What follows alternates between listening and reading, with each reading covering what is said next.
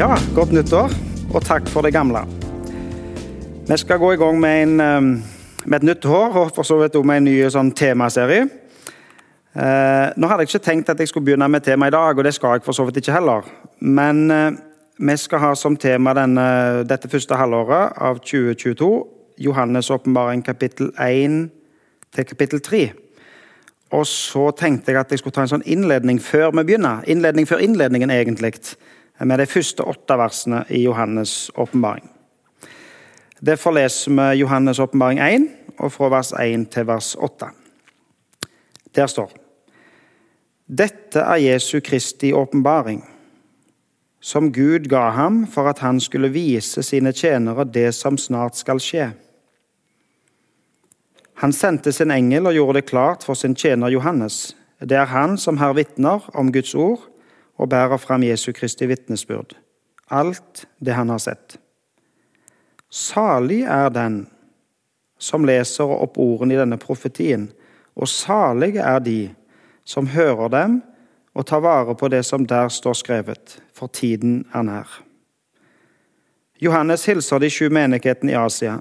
Nåde være med dere og fred fra ham som er, og som var, og som kommer, og fra de sju åndene som står foran hans trone, og fra Jesus Kristus, det troverdige vitne, den førstefødte av de døde og Herren over jordens konger. Han elsker oss og har fridd oss fra våre synder med sitt blod.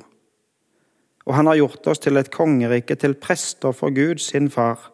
Ham tilhører æren og makten i all evighet. Amen. Se, han kommer med skyene. Hvert øye skal se ham, også de som har gjennomboret han. Og alle folkeslag på jorden skal bryte ut i klagerop over ham. Ja, amen. Jeg er alfa og omega, sier Herren Gud, Han som er, og som var, og som kommer, den allmektige. Vi har avslutta et år, og så går vi inn i et nytt år. Og Det skulle jo vært spennende å visst hvordan man tror dette året blir. Og Hva vil møte oss nå i det nye året? Hva vil vi møte i 2022? Hvordan blir dette året? Og så er det nok gjerne til og med en ekstra spenning knytta til ja, men hvordan vil dette viruset, hvordan vil korona påvirke det neste året og det året som ligger før oss? Hvor lenge vil vi måtte leve med, med smittevernregler og, og, og, det som følger med det? Og så går vi inn i det nye året og tenker på hvordan det nye året blir, med bakgrunn i det som har lagt bak oss. Det året vi har lagt bak oss, og de erfaringene vi har gjort i det året, og for så vidt alle årene før det, de er jo grunnlaget for for hva som, og hvordan vi vil møte det som møter oss i det nye året. Vi har gjort oss noen erfaringer. Og ikke bare det siste året, men hvis du går flere år tilbake, så har jo samfunnet endra seg. Eh, vi har endra oss. Ting skjer, og så justerer vi oss. Vi møter forskjellige situasjoner. Vi har møtt mange situasjoner som har gitt oss eh, oppturer gleder. Og så har mor møtt noen situasjoner og gjort oss noen erfaringer som har gitt oss sorg. Og så vil disse erfaringene eh, på en måte danne grunnlaget for hvordan vi vil møte det som kommer til å møte oss inn i framtida. Og så varierer dette fra person til person. Vi har forskjellige opplevelser, vi har forskjellige erfaringer. Og vi har håndtert det som møtte oss på forskjellige måter. Så erfaringene de, de påvirker oss. Vi forholder oss til det som møter, møte oss med bakgrunn i hva vi har erfart tidligere. Vennskapene våre påvirker oss. De som vi tilbringer tid i lag med, de som vi er i lag med, påvirker oss de som vi hører på, de som vi på en måte gir plass i livene våre, de som vi lar eh, ha innflytelse over oss. Alt det påvirker oss. I 1920-årene i, i England, i Oxford, så var det to personer som møttes. Den ene var ateist. Han het CS Lewis. Han var intellektuell, meget smart, og hadde mange smarte si, argumenter eh, for sitt ståsted. At Gud ikke fantes. Ehm. Og Så møtte han en annen, for så vidt flere andre, men han møtte spesielt en mann eh, som heter Tolkien, som var en kristen. Som var en klok, vis, smart, intellektuell mann, sånn som C.S. Lewis. Og så fikk de to et nært vennskap. Og Vennskapet deres var avgjørende for at C.S. Lewis tok imot Jesus og ble en kristen. Begge to skrev bøker. Begge to inspirerte hverandre. Begge to leste på en måte, ikke om de leste korrektur, men de leste iallfall hverandre sine, sine verker og, og, eh, og, gav tilbakemeldinger til en annen. Og Begge to er lest lenge etter at de sjøl eh, er døde. C.S. Lewis har skrevet 'Narnia', eh, og flere bøker med dem, altså, men kanskje det mest kjente er 'Narnia'. Eh, og Tolkien har skrevet 'Ringenes herre'. Og Begge bøkene, eller mer enn ei bok, sånn sett, men begge verkene er, er, kjente. Og Det som er litt stilig med begge to, og som er felles for begge to, er jo at de bruker bilder, bruker symboler, som har røtter, og som er kristne.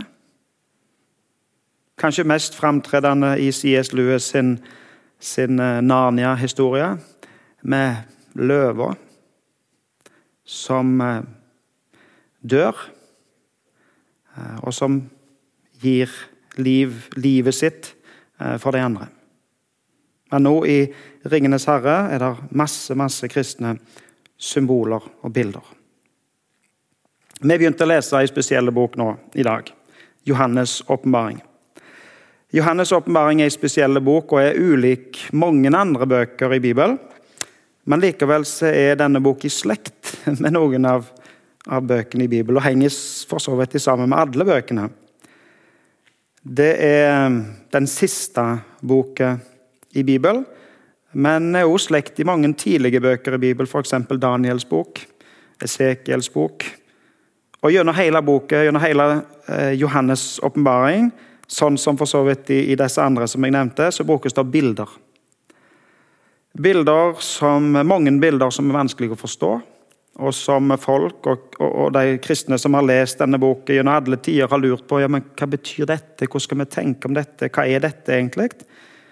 Eh, og så er det andre bilder som er lettere å forstå, og som kanskje til og med direkte forklares av, av forfatteren. For Forfatteren det er apostelen Johannes. En av Jesus sine nærmeste disipler, nærmeste venner. Sannsynligvis når han skriver, så er han den siste eh, gjenlevende av Jesus sine disipler. Han er forfulgt fordi at han tror på Jesus. Han er forvist. Eh, og i, mens han er forvist på øya som heter Patmos, så får han en åpenbaring fra Jesus som han nå skriver ned. Og Den åpenbaringen eh, sendes ut til sju menigheter og ifra disse sju menighetene i Asia så spres eh, denne åpenbaringen videre, og denne boken videre. Og Så leste vi her da at dette er Jesu Kristi åpenbaring. Dette er Jesu Kristi åpenbaring. Hva er, hva er en åpenbaring, og hva er denne åpenbaringen? Får vi her åpenbaring om ting som, som skal skje, om framtida? Får vi åpenbart noe som er skjult. Det er jo det som ligger i ordet. Åpenbart, avdekke. Noe som ikke har vært synlig før. Den åpenbaringen fra Johannes, eller fra Gud egentlig, den gir lys over, eh, innsikt i, åpenbaring om ting, forhold, som både ligger bak i tid, og som er nå, i nåtida, og som vil skje eh, i framtida. Den siste setningen vi leste, i vers 8, eh, så leste vi 'Jeg er alfa og omega'. Alfa og omega er første bokstav og siste bokstav i det alfabetet som Johannes brukte. Eh, så det er begynnelsen og slutten. Jeg er alfa og omega, sier Herren Gud. Han som er, og som var, og som kommer. Den allmektige. Som er, og som var, og som kommer. Som er altså nåtid, som var fortid, og som kommer framtid. Det er jo klart at det mest spennende er jo framtid. Hva vil skje i framtida? Men det er òg det vanskeligste å tegne et klart bilde av. Johannes' åpenbaring gir åpenbaring, bilder eh, av ting som skal skje inn i framtida. Men det er òg det som er det vanskeligste å, eh, å tegne et tydelig bilde av hva som vil skje. Fortid er jo mye lettere. Det som har skjedd i historien, historiske hendelser. Det som på en måte er faktisk og, og avslutta og, og, har skjedd. Og For Johannes, som skriver dette, så er jo, er jo mye av det han forteller om her, personlige opplevelser. Faktisk som han opplevde personlig, som en nær venn av Jesus. Men denne åpenbaringen den taler også inn i nåtid. Inn i, inn i den tida der disse som leste det som ble skrevet, akkurat nå er. Og Johannes, eller åpenbaringen som Johannes fikk, avdekker faktisk forhold om det som skjer akkurat nå. For de som leste da, og faktisk når vi leser nå, så avdekker det forhold midt inn i vårt liv. I den korte setningen Nei, sorry, jeg har ikke setningen jeg si, men i den korte innledningen vi har lest i dag, så brukes setningen eller ordene 'salig er den'. 'Salig er de. Salig er, altså i nåtid. Som handler om noe som skjer nå. Salig er. Hvis du slår opp eller googler eller sånt ordet 'salig', eh, så finner du definisjonen som går Jeg fant en på, på Det norske akademis ordbok. Der eh, er definisjonen sånn Fullt av dyp, intens lykke. Salig. Fullt av dyp, intens lykke.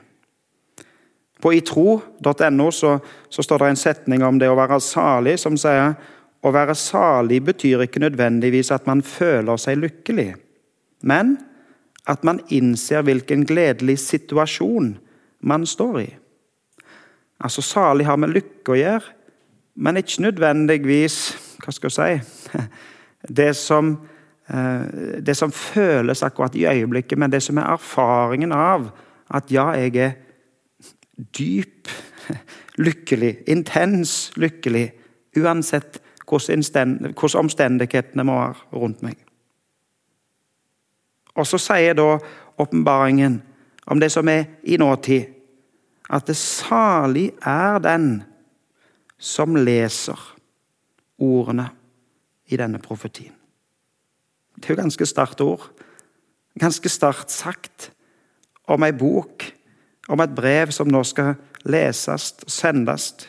Salig er djupt lukkelige, intens lykke gledelig situasjon, den som leser disse ordene.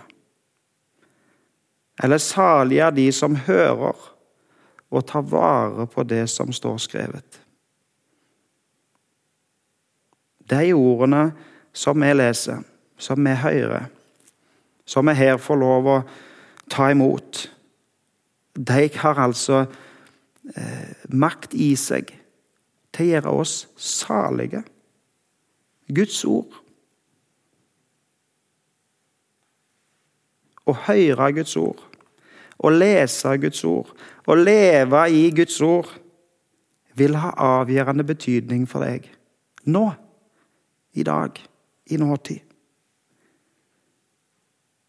Det handler altså om vår nåtid, om hvordan vi forholder oss til dette budskapet. Hvordan vi forholder oss til Guds ord til budskapet om Jesus. I denne teksten står det 'Han elsker oss'. Han elsker oss. Du er så høyt elska av Jesus at han gjorde alt som sto i sin makt for å frelse deg. Og det har avgjørende betydning for livet ditt.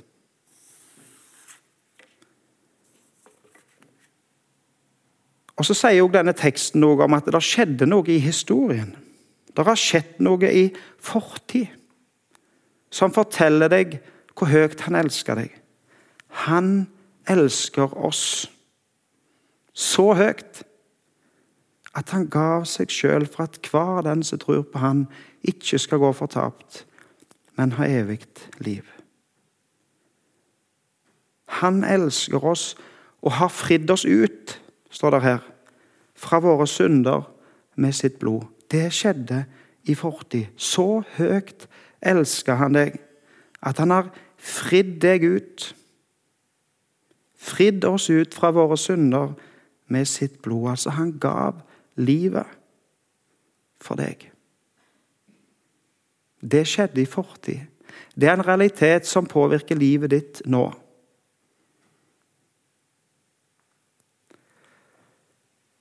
Og hva skal skje i framtida? Jo, Johannes skriver her om, om, det som snart skal skje. Framtida begynner jo i dag. I morgen er framtid. Og så beskriver Johannes mange ting som skal skje. Og det er framtidssyner og bilder på ting som skal skje i denne verden. Det viktigste budskapet, det viktigste framtidsbudskapet som Johannes har til oss, starter han med allerede her i innledningen. Og hva sier han? Jo, han sier, 'Se, han kommer med skyene'. Se, han kommer. Jesus kommer. Og hvert øye skal se ham. Framtid begynner i morgen. Og en gang i framtida, sier Johannes, så skal Jesus komme igjen. Og hvert øye skal se han. Og så sier han òg om framtida, om at ham tilhører æren. Jesus, altså. Ham tilhører æren og makten i all evighet. Det er framtid. I all evighet. Ham tilhører æren og makten i all evighet. Det er det viktigste framtidsbudskapet Johannes har til oss. Det er den viktigste åpenbaringen Gud gir til oss om at han har all makt og ære i all evighet. Han, Jesus. Livet ditt blir påvirka av hvem du bruker tid sammen med. Og 2022 vil også bli påvirka av hvem du bruker tid i sammen med. Hvem du slipper til i livet ditt. Hvem du hører på. Hvem du lar få lov å ha innflytelse i livet ditt. Og gode vennskap er dyrebart.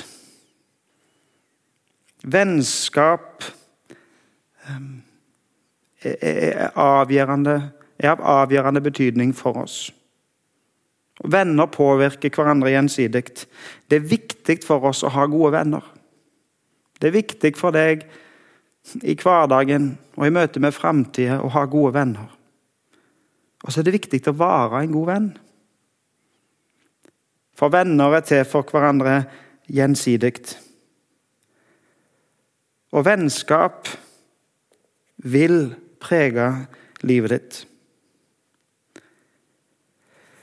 Når vi nå gir opp status eh, og, og, liksom her med et årsskifte og har avslutta ett år og, og, står helt på begynnelsen av et nytt år, så ser vi tilbake.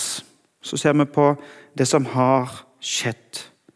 Og så ser vi på situasjonen i dag, i nåtid. Og så gjør vi oss noen tanker om framtida. Og så er det jo ingen av oss som kan gå inn i historien og forandre det som har skjedd. Det er ingen som kan gjøre om på det som er fortid. Men det som har skjedd i fortid, det vil prege livet ditt i framtid.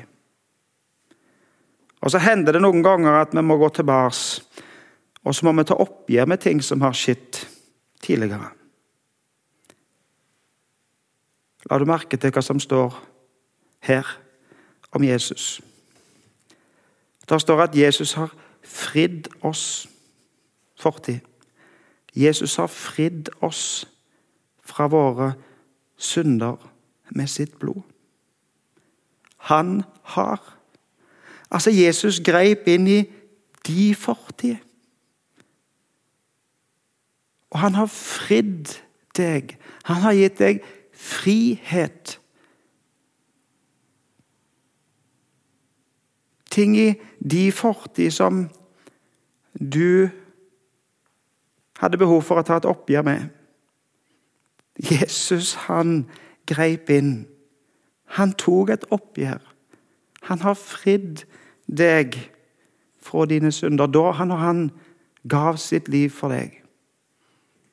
Han er den eneste som kan gripe inn i fortid, ta et oppgjør og sørge for tilgivelse. Sørge for tilgivelse fra Gud, som gjør at du kan leve i et oppgjort forhold til Han inn i framtida og hver dag i livet ditt nå. Han har fridd oss. Og han er Han er med hver dag i nåtid. Med sin kjærlighet, sin nåde, sin fred, sin tilgivelse, sin ledelse, sin tilstedeværelse. For han elsker deg. Han er med deg hver dag. Og han vil påvirke deg. Han har avgjørende betydning for hvordan du lever livet ditt. Og han er med inn i framtida. Han er faktisk den eneste som har kontroll på framtida. Han er den eneste som kan si 'jeg har makt og ære i all evighet'. Uansett hva du vil måtte møte, så har Jesus kontroll. Så har han all makt i all evighet. Han er den eneste som kan gi løfter for evigheten i ditt liv. La Jesus få lov å ta hånd om fortida di. La han få lov å være med deg i nåtid, hver dag. La han få lov å gi sin forsikring om framtida. Hans løfter inn i evigheten. Ingen av oss vet hva framtida vil bringe, men Jesus har gitt oss løfte om et evig liv i lag med Han. Et evig vennskap, et personlig vennskap som varer inn i evigheten. Skal vi be. Kjære Jesus, takk for det nye året. Jesus, takk for det gamle. Takk for de erfaringer vi har fått lov å gjort oss i lag, og i lag med deg. Og Jesus, vi ber om at du må ta hånd om våre liv. Må du være med oss inn i framtida. I ditt navn. Amen.